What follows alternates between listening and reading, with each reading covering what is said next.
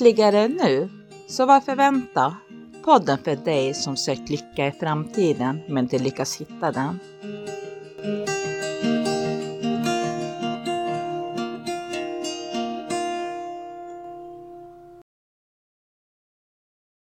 Hej Filip! Hej Niklas! Hur är det idag? Ja, det är bra nu. Det är, det är bra nu. Eh, varit en sån här lite, lite, ja, igen, lite så här tuff och intensiv vecka. Eh, jag känner mig lite seg i huvudet, men eh, det som är gött är att man kan ändå hitta till den här sköna känslan och behöver liksom inte tänka så mycket på det och bekymra sig över det. Utan mm. Eh, när du och jag sitter här så på något sätt kommer energin igång i kroppen igen. Det är så himla gött tycker jag. Ja, jag är ju lyckligare nu. jag funderar vi ju här och nu. Liksom. Ja, precis.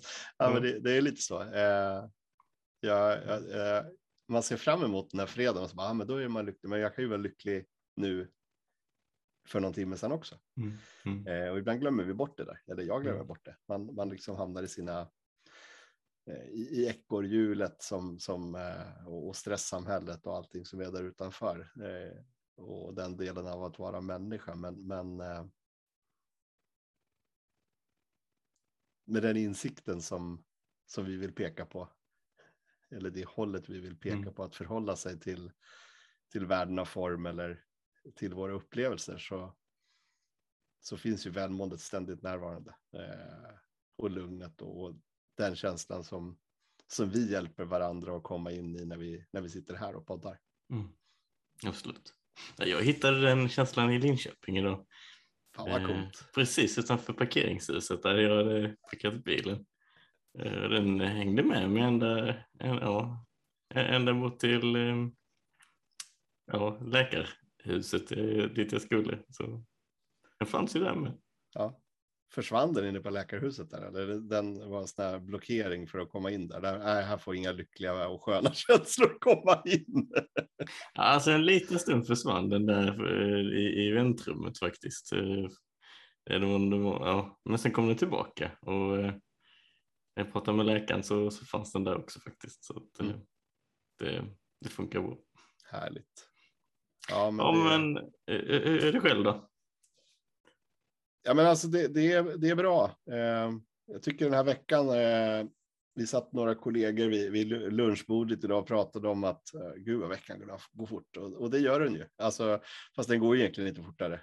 Mm. men, men det känns ju bara som så för att man, man springer fort hela tiden. Men den här veckan så, så slog det mig lite eh, i, i, lite dialoger med, med, med människor som jag hade om den här rädslan som vi har att visa våra begränsningar eller svagheter eller att jag kanske inte vet hur jag gör den här uppgiften eller hur jag ska lösa den här uppgiften.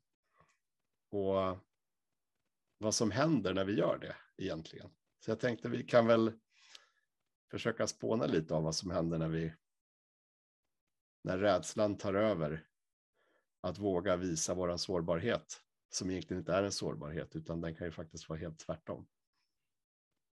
Mm. Så vad, det, det, det sättet som jag har gjort och jag gör väl det liksom nu också. Att om jag får en uppgift som jag kanske inte vet riktigt hur den ska utföras. Så skiter jag nästan i att göra den. För det är så jävla obekvämt att, att gå till någon och, och be om hjälp. Eller så förskjuter man den. Liksom. Nej, jag tar det där lite senare. Istället för att ta tag i det på en gång. Ja, eller får jag ju göra den ju. Ja, jo, men det, så är det ju. Jag har ju alltid liksom min livlina Filip som jag kan ringa till. Liksom. Ja, men, men, men eh, och det, det, är inte bara jag som fungerar så. Eh, de, många människor där ute i vårt samhälle är ju, är ju rädda för att för att faktiskt vara mänsklig. Och det, det vi gör liksom, det är att vi, vi skjuter saker på framtiden eller vi utför inte uppgifterna. Och varför gör vi det? Varför gör vi det? Jo, men för vi är rädda för vi tror att ja, men om jag ska ha, göra en uppgift på jobbet, jag är anställd som en viss person och i den anställningen så bör jag kunna göra det här. Det är något påhittat som säger att jag ska kunna göra det här. Och kan jag inte göra det här och, och jag går till min arbetsledare eller till min chef och säger att jag vet faktiskt inte hur jag ska göra den här uppgiften, så, så kommer det här egot. Du vet den här berömda rösten som vi pratar om som pockar på och säger att så där kan du inte säga. Alltså om du säger så där, då, då kan du bli av med jobbet. Och din nästa löneförhandling kan du bara glömma. För att kan du inte göra det här som står i din arbetsbeskrivning, ja, men då, då är du kört.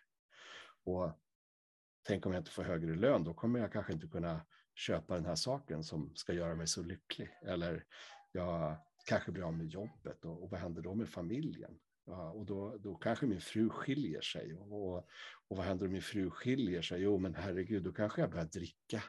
Och så börjar jag dricka ännu mer och så hamnar jag på gatan och, så, och herre, alltså, då är man ju igång. Ja, då, då har du kommit rätt så bra igång där redan känner jag. Ja, ja, men, ja, men det kanske gick, jag gick lite, lite långt där kanske. Men, men alltså, bara för att tydliggöra hur, hur enkelt det är att fastna i den där att det är någonting som står på spel. Mm. Och det är klart, jag har ju pratat lite om det du och jag, att ibland står det något på spel, Filip. Liksom. Mm. Men, men i mångt och mycket så gör det ju inte det. Ja. Och det som står på spel är ju sitt ego. Mm. Oftast. Mm. Sen tänker jag också lite det där att eh, ibland kan i alla fall jag känna att man, man har kommit någonstans i livet fast eh, ibland kan man känna sig lite rädd att någon ska komma på en att eh, ja men Filip han har ju faktiskt inte gått den här eh, projektledarutbildningen på 387 poäng och, och ändå håller han på med det. Liksom. Mm. Tänk om de kommer på en att man inte är den där eh, liksom, vad ska man säga, experten på det området. Liksom. Mm. Han vill inte visa sig svag. Så. Nej. Ja, men det, är just den där visa sig svag för att man, och vem, vem är det som inte vill visa sig svag? Det är den där, det är den där himla luriga rackaren. Mm. Egot. Ja, och liksom tar man bort egot därifrån så, så står det ju inte så jättemycket på spel, utan det kan ju hända andra saker när vi vågar be om hjälp. Det, det, det kan, ju öppna, kan ju öppna upp att andra människor också vågar visa att de faktiskt inte vet hur de ska mm. göra. Mm.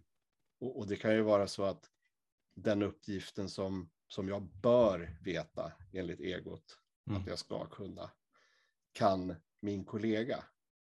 Och om jag öppnar upp mig och ber om hjälp där, mm. så kanske jag kan hjälpa den personen att öppna upp sig också och be om hjälp av någonting från mig som jag kan, som mm. egentligen kanske den personen ska kunna. Mm. Mm. Så att vi börjar samarbeta ifrån en plats av känslan av kärleken istället, av, av sårbarheten att faktiskt visa sig lite svag, visa sig lite sårbar. Istället för att börja samarbeta upp i våra huvuden. För du vet ju vad som händer när vi börjar liksom, när två egon står och, och fightas mot varandra. Det, det, det blir oftast inte jättebra. Ja. Men om vi kan bottna i den grejen istället, att, att gå in i oss själva och, och känna kopplingen till den andra människan genom sympati, empati, så kommer samarbetet bli mycket, mycket bättre. Mm. Det, det, kommer komma mycket, mycket mer saker därifrån, för då har det ingenting som blockerar det där fria flödet då. Den här äh, himlen som vi pratar om. Den, den blir bara klar. Så nya idéer, nya tankar, nya konnektorer liksom växer fram på något sätt mellan oss människor. Mm. Ja, och jag tänker att det är ju inte egentligen något speciellt som man behöver göra. det, desto, på något sätt desto mindre man gör, desto bättre är det. Mm. Om man kan gå till någon och, och, och fråga, men du, jag, jag fick den här uppgiften här. Jag är lite osäker på hur man ska lösa den. Har du koll på det? Alltså, det behöver inte vara så mycket svårare än så. Och sen så lyssnar man på den andra människan utan att eh, liksom ha massa snurr i skallen själv. Mm. Då får man ju den här kopplingen och då, då kanske det finns alla de där fina orden som du nämnde. Mm. Men det är ju inte någonting som man liksom behöver hitta i verktygslådan och ta fram utan det händer ju bara. Mm.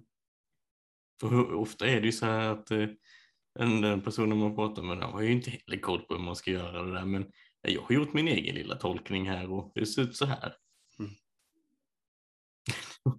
På jobbet förra veckan så kom det ut ett eh, direktiv att eh, när det gäller en, en viss eh, sorts arbete skulle det bedrivas på ett visst sätt. Och alltså det, ja, det var ju ganska långt ifrån hur det bedrivs idag om man säger så. Jag kände bara att det, det är nog inte riktigt läge att gå igång på det där utan vi, vi tar det lite chill här nu så får vi se vad som händer. Och sen så för två dagar sedan så kom det en tolkning på det här direktivet från en annan eh, liksom, del av organisationen som kändes väldigt rimligt. Mm. Men sambandet mellan de där två, de, de, de, var ju, ja vad ska man säga, det, det, det var lite kreativt samband kan man säga. Och det, det, det är ju liksom, om man är uppe i huvudet så kan man ju bli tokig på sånt. För att ja, men det står ju så där och så har någon annan tolkat det så här. Ja, men är, är, de, är de dumma i huvudet alltså? Hur kan det bli så? Mm. Men har man lite distans till det så ser man ju kanske att det första var ju påhittat och det andra var ju också påhittat. Mm. Och det viktiga är att man kommer framåt på ett sätt som, som gynnar både medarbetarna och, och organisationen och sina kunder och att man kan leverera ett bra resultat. Mm. Ja, och jag tror att om, om vi liksom får varandra att känna sig behövda så kommer vi mycket, mycket längre i en organisation eller i en, ett äktenskap eller i ett föräldraskap än om att alltid ska vara en viss person som ska fatta det här beslutet och den andra personen som ska fatta det där beslutet. Att om vi, om vi vågar kliva ur rollen som chef eller rollen som pappa eller rollen som man och faktiskt visa att ja, men jag, är, jag är inte helt bekväm Jag vet inte vad jag ska svara eller göra just i den här situationen. Så kommer den andra personen automatiskt känna att den, den är behövd. Och vi människor uppskattar ju faktiskt när man känner att det är någon som behöver den. Mm. Och det som händer då är ju att att man blir två stycken som går åt samma håll istället för att en som pekar ut riktningen och de andra följer efter. Och i det här fallet så, så går båda samtidigt åt samma håll. Och riktningen blir liksom självklar på något sätt. Det är ingen som behöver peka ut den utan den bara finns där. Tror jag. Mm.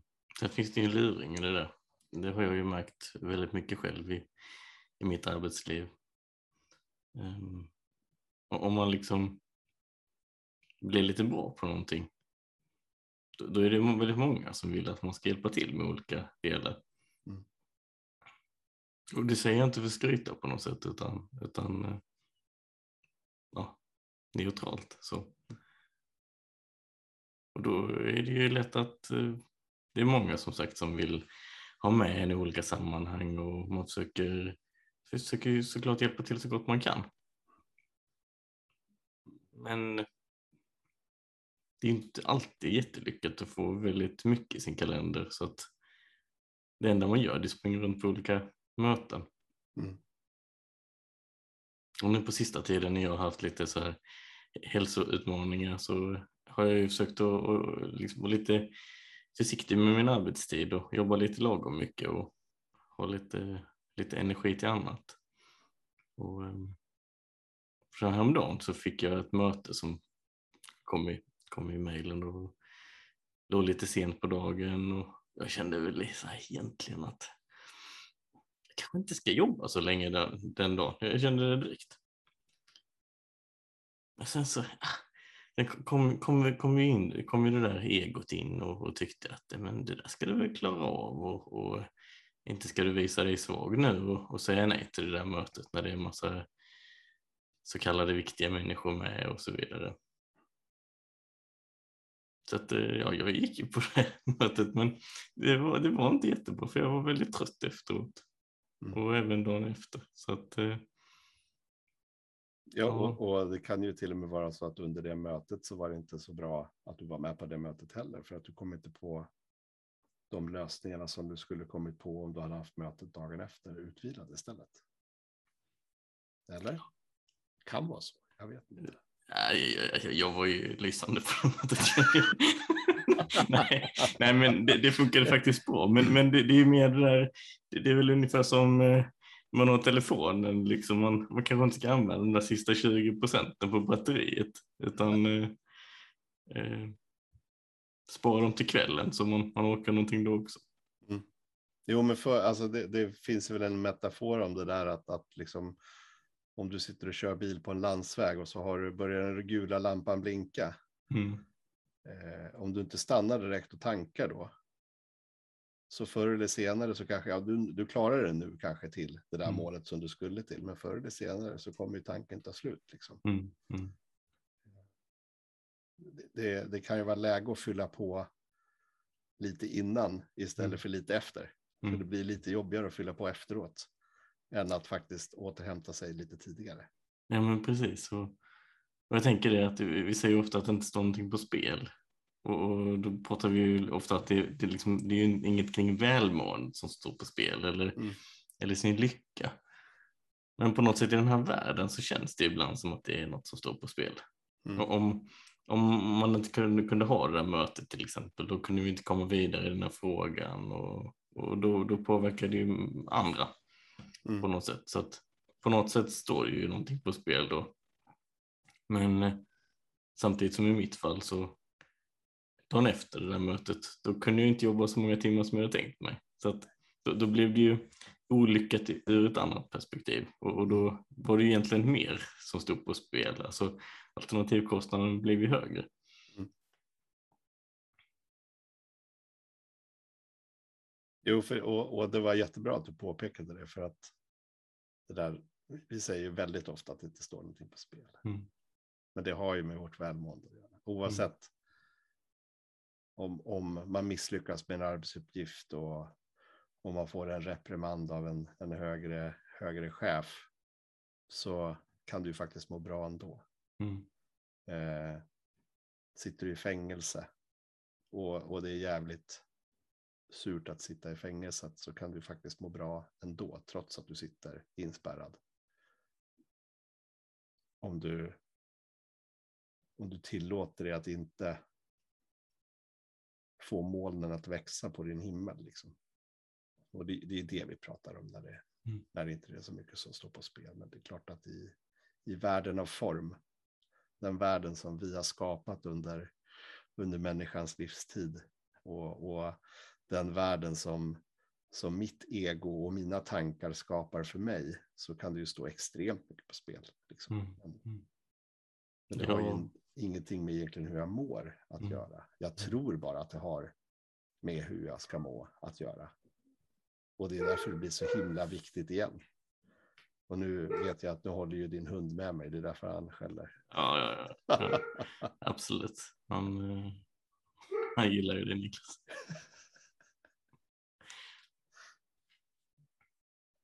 Mm.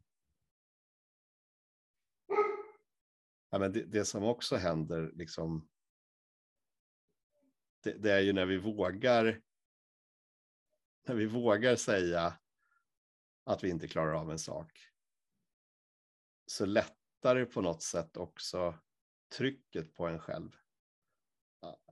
vilket gör att du kan koppla av mycket, mycket snabbare när du väl har gjort det. Alltså när du har berättat det där och sagt att jag kan inte det där eller jag hinner inte det där eller jag, jag förstår inte hur man gör. För, för, då får du kanske hjälp i det eller en bekräftelse på att det är okej okay att du inte vet det. Men vi hjälps åt att göra det här. Hade du inte sagt det, då är det ju någonting som hela tiden ligger där och gnager. Och det där som får, det där som ligger och gnager får ju oftast någonting i kroppen att reagera. Att ändra kanske du plötsligt får ont i nacken eller att du får ont i ena benet eller att du, alltså kroppen reagerar på något sätt av, av den här inre stressen som du kanske bygger upp på grund av tankarna och att du inte kan prestera liksom. Men när du släpper den och tillåter det så vet du att du kanske nacken börjar bli rörligare eller så försvinner ondheten i knät. Och för liksom... Mm. Jag tänker bara för att, för att kunna släppa det, så som vi säger, mm. så måste man ju se något nytt. Mm. Eh, det var lite roligt när jag gick på stan idag. Då, så eh, såg jag ner genom en, en gränd liksom. Att det var en eh, snubbe som stod och rökte. Och sen så hade han någon slags eh, rock på sig. Så jag tänkte undra vad han jobbar med. Och så gick jag några meter till så såg jag att det var ju något sånt här center som höll på med hälsa och skönhet och sådär. Och, och, ehm, ja, nu ska man väl kanske inte släppa dem på näsan, men, men i min värld i alla fall så kanske inte just rökning har, har så himla stark koppling till skönhet och hälsa. Eh, och jag menar, det, det har ju vi alla hört, men eh, uppenbarligen har inte alla insett det. Så att eh, om, om vi säger så, ja men det är bara att släppa det. Och om man inte har sett på något sätt hur vår upplevelse skapas för oss, att, att vi lever i en tankevärld, då säger ju inte det någonting. Alltså, jag kommer ihåg jag hade en chef för ett par år sedan som, som, sa, som sa det att eh, ja, när ni går från jobbet, då släpper ni det. Så. Alltså jag tror jag skulle strypa honom där ett tag för att eh, Alltså jag kunde ju inte det. Jag kunde ju inte släppa jobbet. Alltså jag var ju tvungen att gå och tänka på det flera timmar efteråt ibland för att liksom, eh, det skulle tugga färdigt och så, så hade jag liksom löst alla mina problem. Mm. Jag, jag, jag, fattar inte det. Men nu förstår jag vad han menar. Mm. Ja, men, och, och där finns det ju massa, alltså som, jag, jag var ju likadan eh, innan jag fick insikter av, av om de tre principerna och hur upplevelsen skapas och hela den biten. Men då hade jag, hade jag gått på en sån här ledarskapsutbildning någon gång och då, då var det så här att då skulle man låtsas att hänga av sig arbetsväskan utanför ytterdörren. För att du skulle inte ta med dig arbetet in. Och det var ett sätt för att släppa, liksom. men, men då blir det liksom en metod av det. Då måste jag göra det. Och, och glömde jag det en dag, då, men då var jag tvungen att springa, liksom, gå in i och sen, åh nej, jag glömde. Öppna dörren, springa ut och ah, här lägger jag väskan. Liksom. Ja, för annars kunde jag inte må bra. Fast... Vad mycket skit du har hållit på med, Niklas. Jag måste ju Ja, men alltså, vi, vi, kan skratta åt det, men, men tyvärr är det ju är det ju så här som många, många pratar om, att det är så här vi måste göra för att må bra. Mm. Och, och, det är ju, det är det som är så hoppfullt tycker jag med, med de tre principerna. Att det handlar ingenting, alltså noll procent om görandet. Det handlar noll procent om att jag hängde den där låtsasväskan utanför dörren. Liksom. Det har bara med att tanken för stunden är det som, som skapar det som jag upplever. Och har jag en tanke när jag kommer in genom min dörr om att jobbet har varit pest och pina, det har varit så jävla mycket, jag har inte hunnit med ett skit. Men då kommer jag ta med det innanför dörren. Men om jag, om jag släpper det bara, låter det vara och istället ser, gud vad skönt när jag öppnar dörren. Då är mina barn där, undrar vad de har gjort idag då, då, finns inte den kvar där. Det, det är som, som Eckart Tolle säger att nästa tanke är bara ett enda andetag bort. För att om du fokuserar på din inandning så släpper den tanken som du har för stunden, för du ska ju bara tänka på din inandning. Och sen när du andas ut så kan vilken ny tanke som helst komma till dig. Och ibland kanske man måste andas tio gånger för att den där sköna tanken ska komma. Och ibland räcker det med en och ibland fem. Men det är okej. Okay.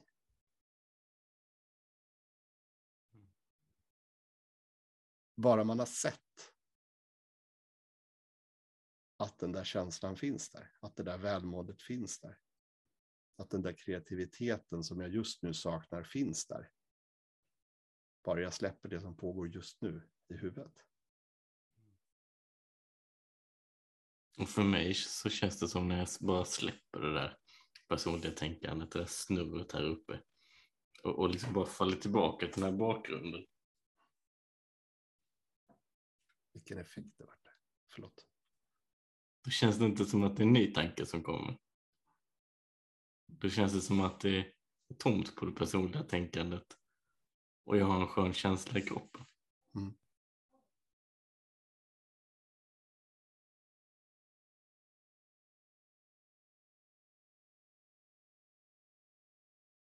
Ja, det är på något sätt den känslan som alla människor söker.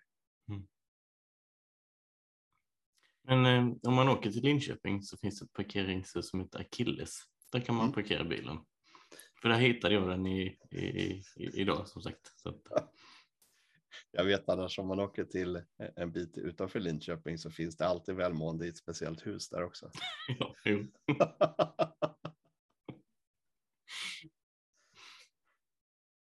Eller så, så synar man den där illusionen en gång för alla och verkligen släpper allt det som man tidigare har lärt sig och, och försöker lyssna bakom de orden och lyssna på den känslan som vi vill förmedla i den här podden. Och så hittar du den själv. Mm. Precis. Och både du och jag vet ju om att den finns ju på det stället där vi sällan letar. Liksom. Mm. Ja, för vi behöver inte leta. Vi behöver ju bara låta det andra så försvinna bort. Mm. Och det här naturliga träder fram.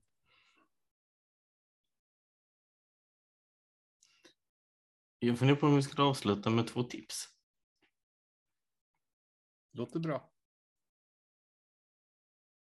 I tisdags var det väl. Då pratade jag ju på eh, Kind Mind Community eh, webbinariet. Och det var, det var tio ytterligare som pratade där. Mm. Så det kan man gärna titta på om man är nyfiken på det. Jag kan rekommendera dig. på det. Och sen så tänkte jag att vi skulle kunna tipsa om den här boken som jag fick hem igår. Mm. Det, oh, det blev dåligt här. Ja, men det är i alla fall Dennis, vår vän Dennis Westerberg. Hans bok eh, som är för barn som heter Marsipan och tankemysteriet. Jag började faktiskt läsa den med min dotter igår och mm. eh, det kändes spännande de första kapitlen där. Och vi hjälptes åt att läsa lite båda två. Så att, eh, mm. Det blev ja, både nytta och nöje och nytta på något sätt. Mm. Och det roliga är att det kan ju faktiskt vara föräldrarna som får insikten först när de läser boken. För barnen har ju redan fattat. Ja, precis. Nej, men eh, det, det, är ju viktigt för dem också på något sätt att inte, inte bara uppleva den där sköna känslan utan kanske förstå lite vad, vad är det som skymmer den ibland. Så mm. att, eh, jag, jag ser fram emot att läsa klart den med, med dottern. Mm. Ja, och ju tidigare vi, vi som barn förstår det, desto lättare kommer livet vara för mm. oss. Mm. Precis. Ja, men eh, de tipsen eh, tar vi med oss och sen så önskar vi varandra en fantastisk eftermiddagkväll tycker jag. Absolut, och en eh, trevlig helg tänker jag också. Ja, den kommer bli jättebra. Om vi bara stannar i nuet. Mm. Jag tar hand om dig Filip så hörs vi. Detsamma. Ha det Ja. gött. Hej då. Hej.